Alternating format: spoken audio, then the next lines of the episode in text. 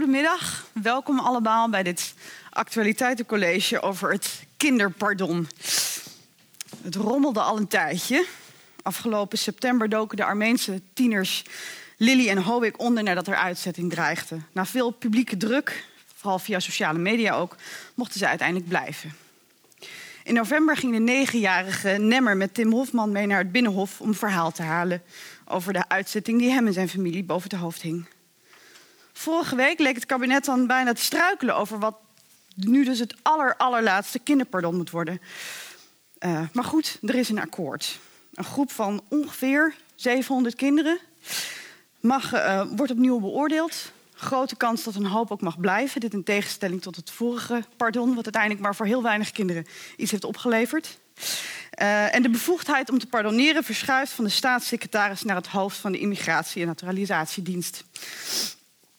Er komt ook wat extra geld bij voor het hele proces, voor het migratiebeleid. 13 miljoen.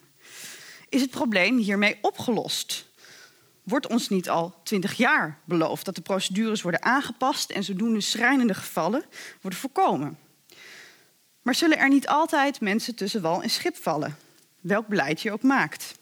En is een pardonregeling zodoende niet onvermijdelijk?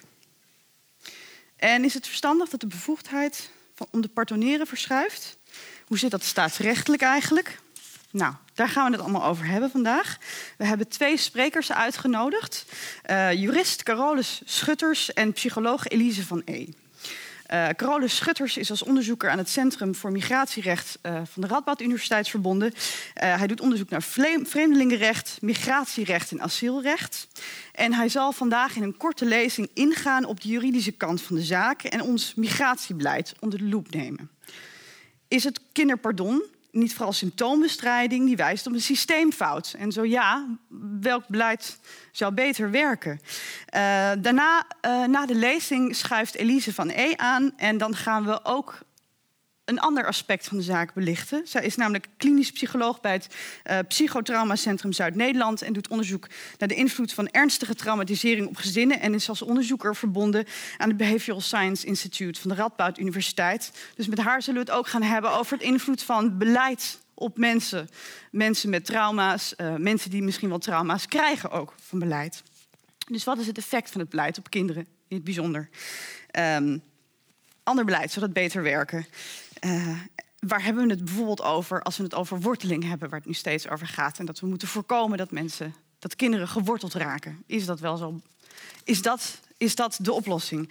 Uh, dus dat is het programma. Maar voordat we daar aan beginnen, dan het, het open stuk van het programma iedere keer weer. Uh, namelijk politiek en parlementair historicus Peter van der Heijden, die aftrapt met een column. Hartelijk applaus.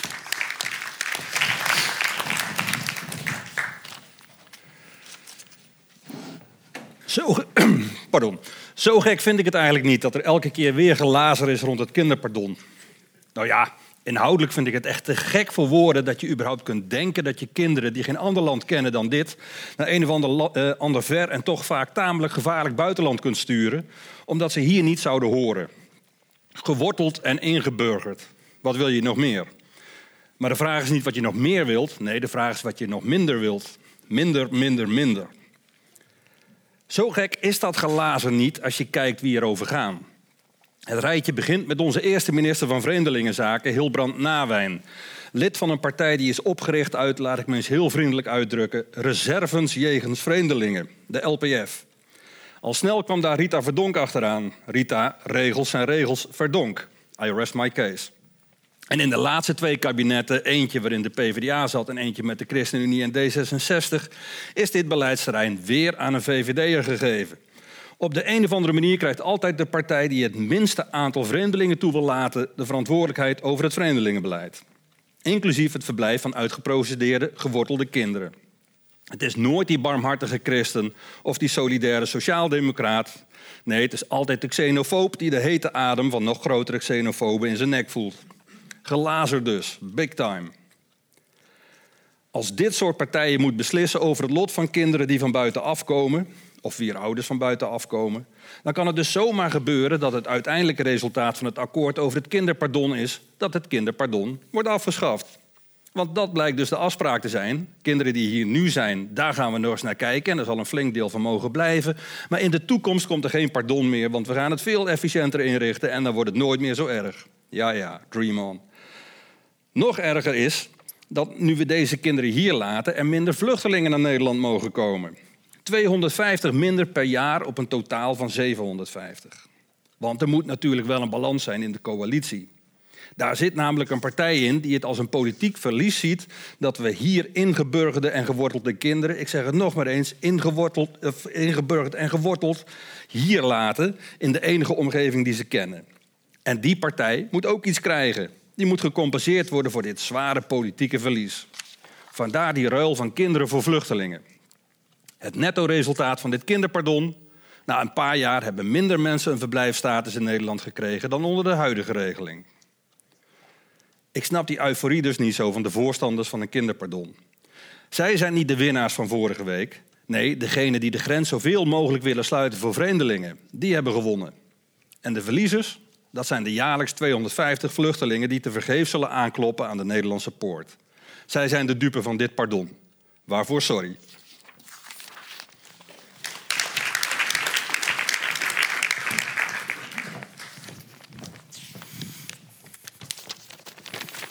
Allereerst uh, dank voor de uitnodiging.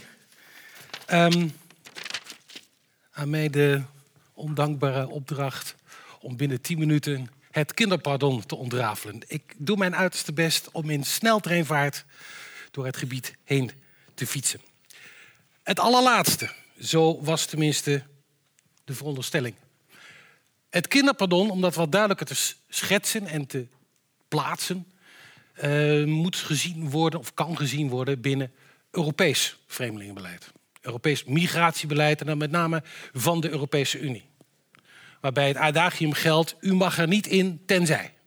Vandaar het slot of het fort Europa. En als je dus niet voldoet aan de criteria en je staat toch ergens voor een loket, dan moet je na afwijzing vertrekken. Het is in die zin van 2-1. Of je mag blijven omdat je voldoet aan de criteria, of je voldoet er niet aan en je moet dus vertrekken. En daar gaat het precies mis. Dat vertrekken gebeurt niet of gebeurt te laat. Of het beslissen om te mogen blijven, dat duurt erg lang. En het restrictieve vreemdelingenbeleid, wat dus gebaat zou zijn bij u vraagt en u krijgt een antwoord, wordt gefrustreerd door van alles en nog wat. Waardoor wordt het gefrustreerd? Met name door de enorme lange wachtrijen. Het duurt nu ruim een jaar voordat een eerste aanvraag überhaupt mee in behandeling wordt genomen. Het eerste gesprek plaatsvindt. staat geloof ik al op één jaar en drie, vier maanden. En dat loopt alleen maar op. Tijdens de procedure zijn er allerlei mogelijkheden om lang op de plank te moeten liggen als dossier. En dat betekent dus allemaal wachten, wachten, wachten.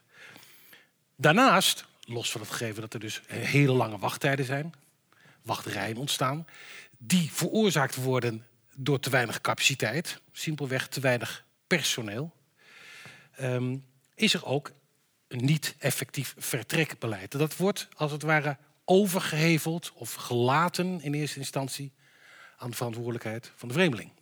Die moet uit eigen beweging vertrekken. En tenslotte, wat ook meehelpt in deze problematische situatie waarbij nogal wat vragen op de plank liggen en er weinig capaciteit is om ze te behandelen, is dat de regels waaraan getoetst wordt, uh, laten we zeggen, redelijk krom zijn. En hoe komt dat? Van oudsher is de vreemdelingen, het vreemdelingenbeleid geschreven in de Vreemdelingencirculaire. En de Vreemdelingencirculaire was tot 1982 geheim. Daarna is het een en ander openbaar geworden, maar nog steeds heb je de geheime variant ervan, de werkinstructies die ook niet openbaar worden. En in die vreemdelingencirculaire, voor zover ze openbaar is, is iets anders aan de hand. Dat zijn beleidsregels en beleidsregels mag je zo krom maken als je zelf wilt. Dat is het prerogatief van de staatssecretaris. En wat krijg je dus? Regels die krom zijn, worden toegepast door degene die ze schrijft en die ook bijna niet getoetst kunnen worden omdat het beleidsregels zijn. De rechter moet zich daar verre van houden. Die mag alleen zeggen, dit is conform de regel. Maar of het een billijke uitkomst is, is een ander verhaal. Er zijn in de loop der jaren, en wat dat betreft moet ik even oneens zijn met de columnist uh, hier voor mij, uh, Peter van der Heijden. Dit probleem is al eigenlijk in de tachtige jaren van de vorige eeuw ontstaan. Op dat moment greep men niet in in de zin van meer capaciteit. Men liet het op zijn beloop. Wat er wel gebeurde, was um, dat er allerlei maatregelen werden genomen, bijvoorbeeld in het kader van het driejarenbeleid. Um, en dat driejarenbeleid sloeg erop, als de overheid er minstens drie jaar over doet om een eerste beslissing te nemen, op iemands verzoek, dan was het voor de rekening van de overheid die zei, dan laten we het daarbij. Dan nemen wij onze verantwoordelijkheid. Zo werd dat geschreven in de uh, begin negentiger jaren van de vorige eeuw. Dat adagium is omgedraaid. Driejarenbeleid is onder de bezielende en inspirerende leiding van Balkenende 2 in 2003 afgeschaft. En ik vind het altijd prachtig metafoor daarvoor te gebruiken. Hij had een hekel aan regen en dus schafte hij de paraplu af. Het driejarenbeleid is namelijk als een stok achter de deur. Zolang je het driejarenbeleid had, moest de overheid binnen drie jaar besluiten. Zo niet, dan kreeg men een verblijfsvergunning. Behoudens het frustreren van de procedure. Het opheffen of het afschaffen van het driejarenbeleid, dat is precies het tegenovergestelde effect. Meer oplopende achterstanden en weinig impuls weinig noodzaak om daar iets aan te doen. En dat terwijl het aantal asielzoekers wat in Nederland, dus niet in Europa, maar in Nederland om asiel vraagt, historisch laag is. Uh, ongeveer zo'n tussen de 25 en de 30.000 komen er nu per jaar, waarvan ongeveer de helft met een zogenaamde dubbeling claim meteen worden weggestuurd. Dat wil zeggen, dat is het bericht, u bent aan het verkeerde loket. U staat hier voor loket Nederland, maar u had zich moeten melden voor asiel in loket Italië, loket Portugal of loket Polen. Wat krijg je dan? Dat er dus oplopende eh, achterstanden zijn en vervolgens dit soort effecten. Men is het er niet mee eens. Er komt media-aandacht, er komt een soort van zichtbaarheid van de problematiek. Wat leidt tot een bepaalde maatschappelijke druk. Ehm, in 2006 en 2007 leidde dat bijvoorbeeld tot 26.000 gezichten. Destijds minister Verdonk ehm, had ook iets tegen pardonregelingen en verzette zich daartegen. De media trokken daarop in, uh, of sloten daarbij aan, door de 26.000 gezichten site te richten en daarover te berichten. Dusdanig dat Verdonk in het nauw kwam.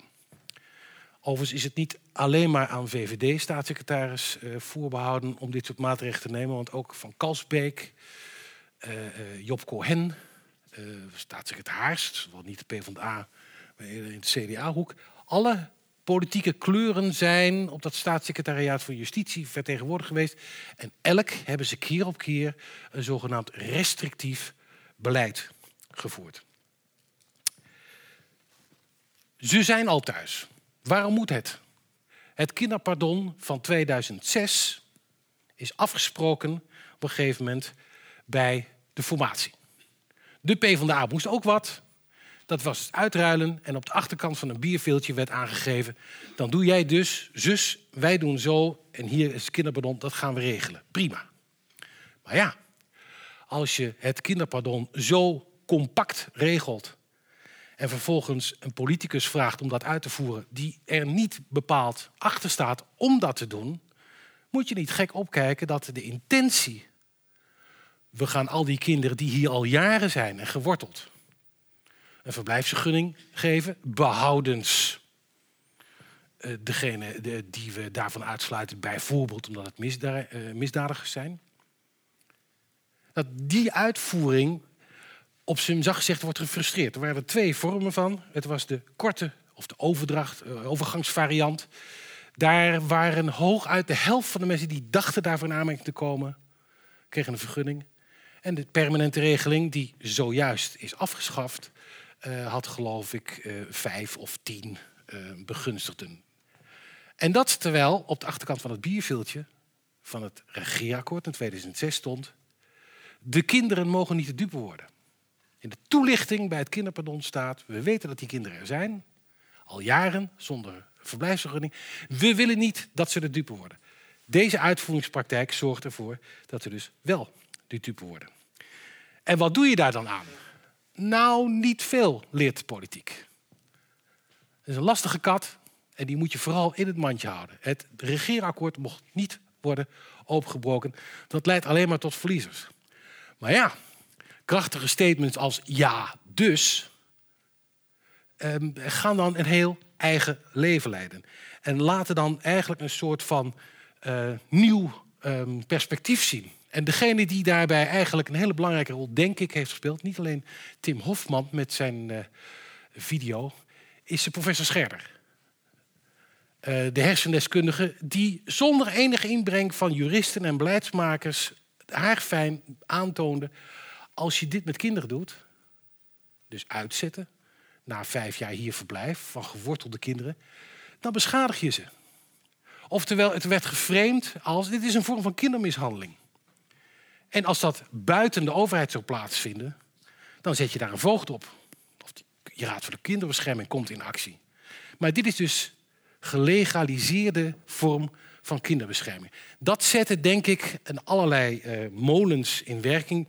Tot uiteindelijk de truc die we hebben gezien. Uh, we gaan ze herbeoordelen, degene die eerder zijn afgewezen. Uh, we heffen vervolgens ook uh, op.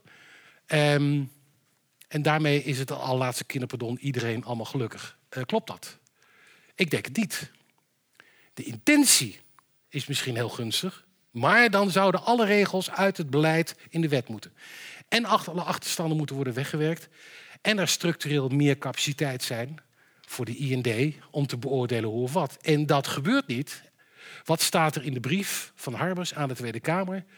Dat bij de voorjaarsnota extra aandacht zal zijn voor een stabiele financiering van de IND. Dat is alles. Niet, we gaan al die achterstanden wegwerken. Stabiele financiering. En zo zijn er een aantal andere opties, zoals bijvoorbeeld ehm, de discretionaire bevoegdheid wordt afgeschaft. Dat kan helemaal niet.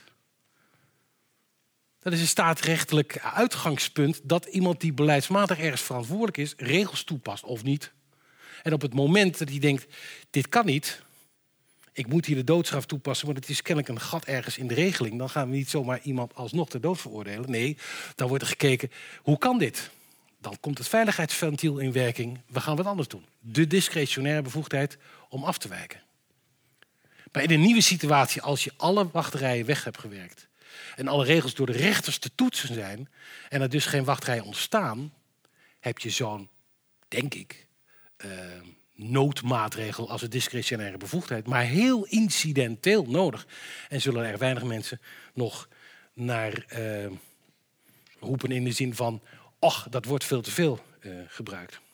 Ten slotte, um, waar komt het nu eigenlijk door? Nou, ik denk dat het, het gegeven dat mensen niet in regels zijn te vatten... en dat regels moeten worden toegepast op mensen... dat men dat bij justitie af en toe uit het oog verliest.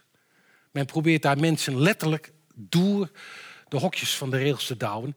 En dat gaat af en toe mis. En dan heb je dus inventief nieuw beleid uh, nodig.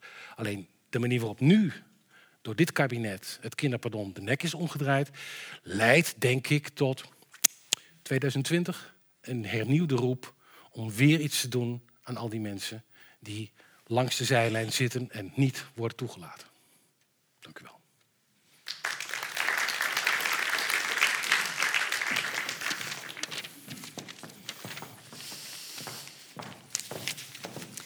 Ja, hartelijk dank, uh, Carolus. Dus waarschijnlijk staan we hier over vier jaar weer. Of wat is het? Drie jaar. Dus uh, nee, um, volgend jaar. Mijn lage school ik, zegt 2020 min 2020. 2019 is maar één jaar. Dus ik dus denk dat er, jaar. Ik vermoed dat er bij de eerstvolgende kabinetsformatie uh, driftig zal worden gediscussieerd over de kinderen die nu staan te wachten. Ja.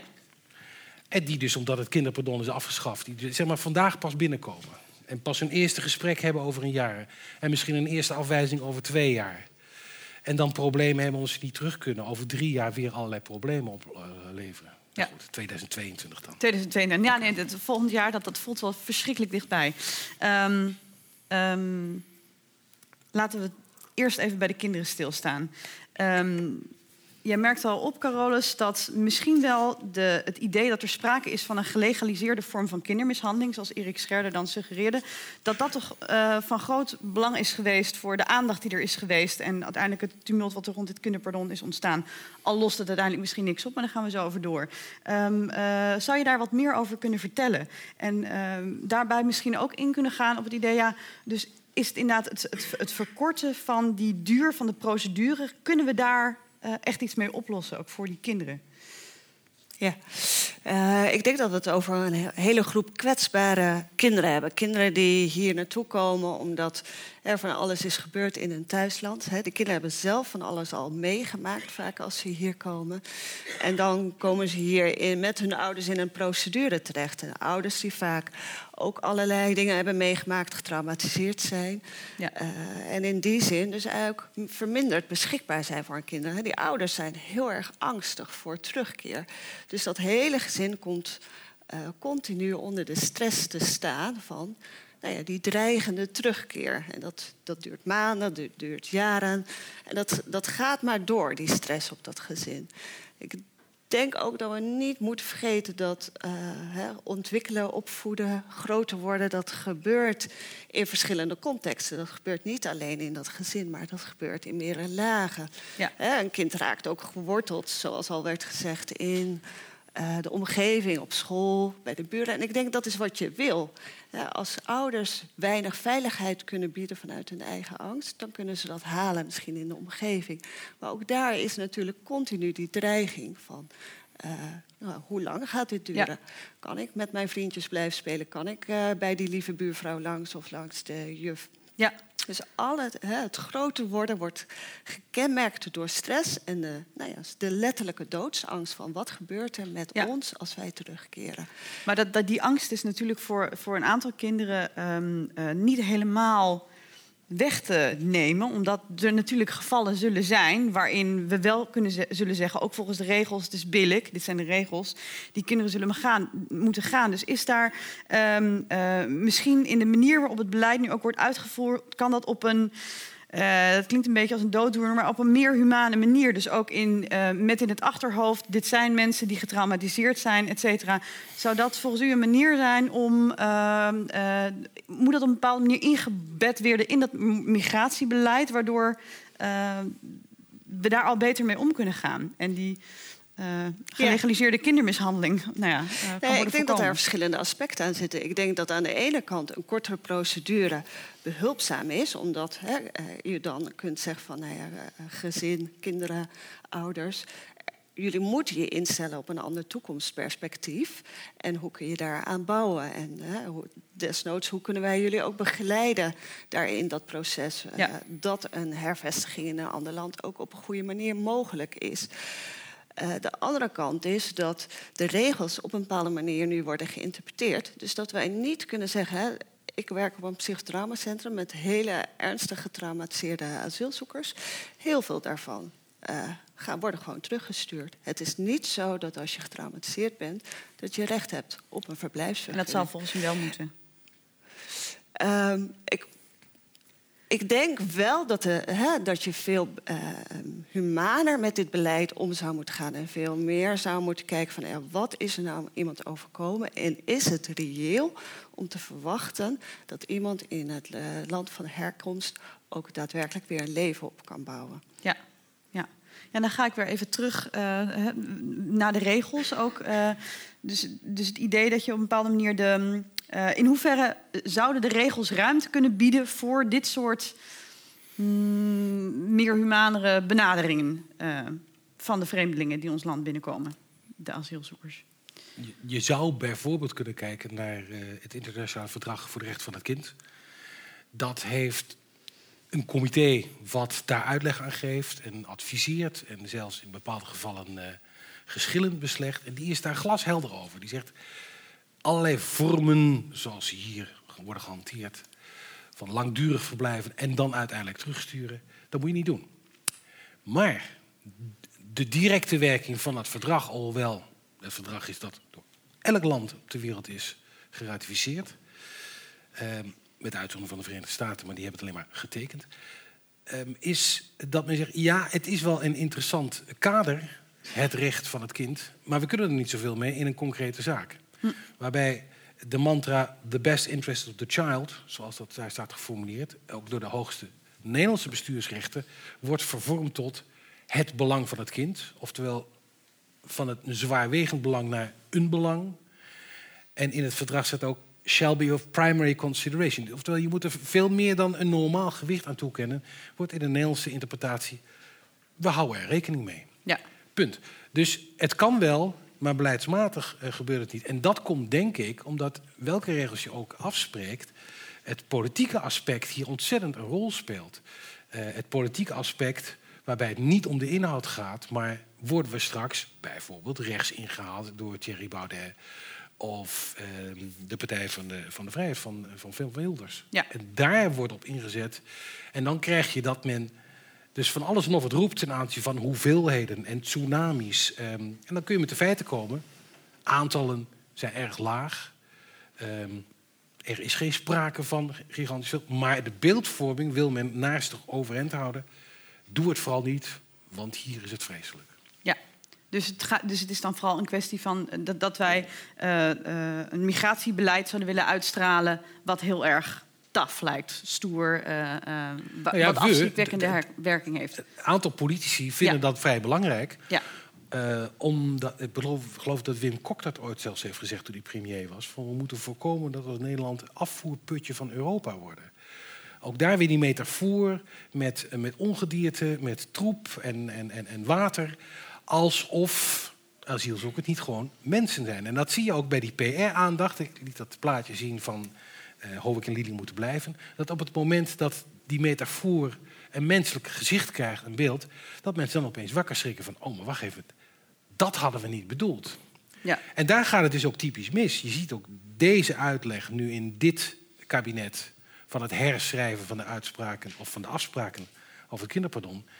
ja, is een soort van ratje toe waar waarschijnlijk niks goed van komt. Behalve dat de kinderen die tot nog toe niet uh, succesvol een beroep op de regeling hebben gedaan, alsnog hoogstwaarschijnlijk, wellicht, zullen worden toegelaten. Maar ook dat zal ervaring moeten leren of dat daadwerkelijk gebeurt. Ja, ja. Nee, ik, moet nu denken, um, um, uh, u heeft het over de, het frame eigenlijk van asielzoekers en vreemdelingen ook misschien als ongedierte, dus eigenlijk ontmenselijke. Een uh, artikel van Martijn uh, Stronk in de Groene Amsterdammer van twee weken geleden, ja. waarin hij zegt, wat je lijkt te zien is dat er nu twee perspectieven zijn. Dus het regels is regels, regels zijn regels perspectief, laten we zeggen, van de VVD en de PVV.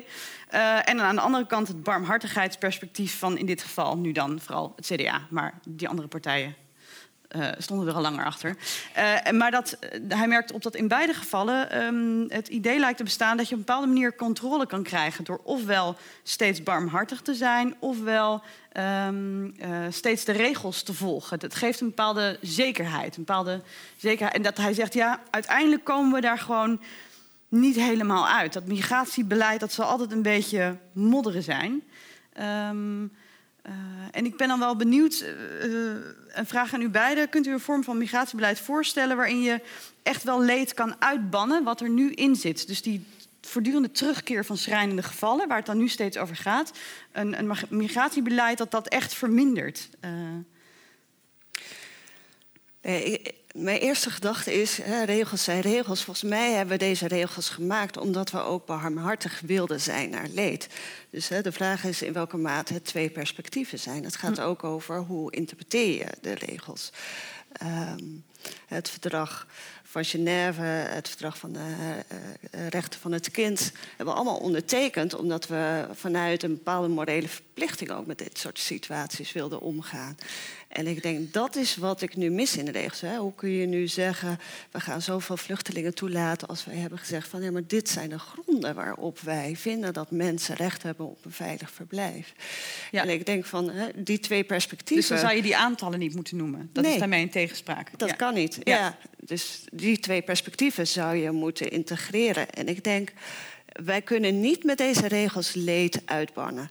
Ik bedoel, als iemand hierheen vlucht eh, omdat hij honger heeft, hè, dan zeggen we met z'n allen, nou, zijn economische vluchteling is geen reden om te verblijven. Dat is net zo triest voor dat kind natuurlijk, wat uiteindelijk terug moet. Ja. Uh, dus ik denk, leed kunnen we niet uitbannen, maar ik denk wel, we moeten die twee perspectieven integreren in dit beleid. Ja, mee eens? Deels. Ik ben het volledig eens met, met het, de, de constatering dat het vreemdelingenbeleid en zeker het asielbeleid nooit zal leiden tot het verdwijnen van het fenomeen vluchteling. We, we zijn hier hulp aan het verlenen. Het is alleen de vraag wie mag in aanmerking komen voor die hulp. Want daarom heb je dat asielbeleid. Dat is het uitgangspunt. De wereld is, vervelend genoeg, onveilig genoeg. Maar om even die twee perspectieven terug te komen, ik denk dat het een valse tegenstelling is. En dat is iets waar Martijn Stronks uh, jammer genoeg niet een derde optie aan, aan toevoegt, uh, of althans dat zo signaleert. Hij zegt inderdaad enerzijds, je kunt dus de regels volgen, uh, of je zou barmhartig moeten zijn. Ja. Als je kijkt naar de pardonregeling, niet alleen van het kinderpardon, maar de pardonregeling van 2007, maar ook daarvoor, rond 2003 en nog daarvoor, de witte illegale regeling, eind van de vorige eeuw, daar was het niet zozeer de sprake van uh, val ik net wel of niet onder die regels? Nee, ik sta al zo lang in de rij en ze hebben op mijn dossier nog niet beslist.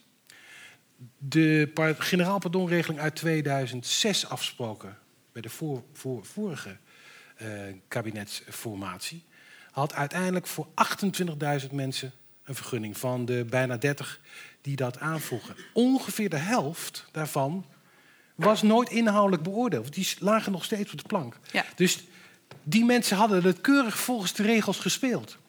En stonden gewoon te wachten, alleen het loket was dicht.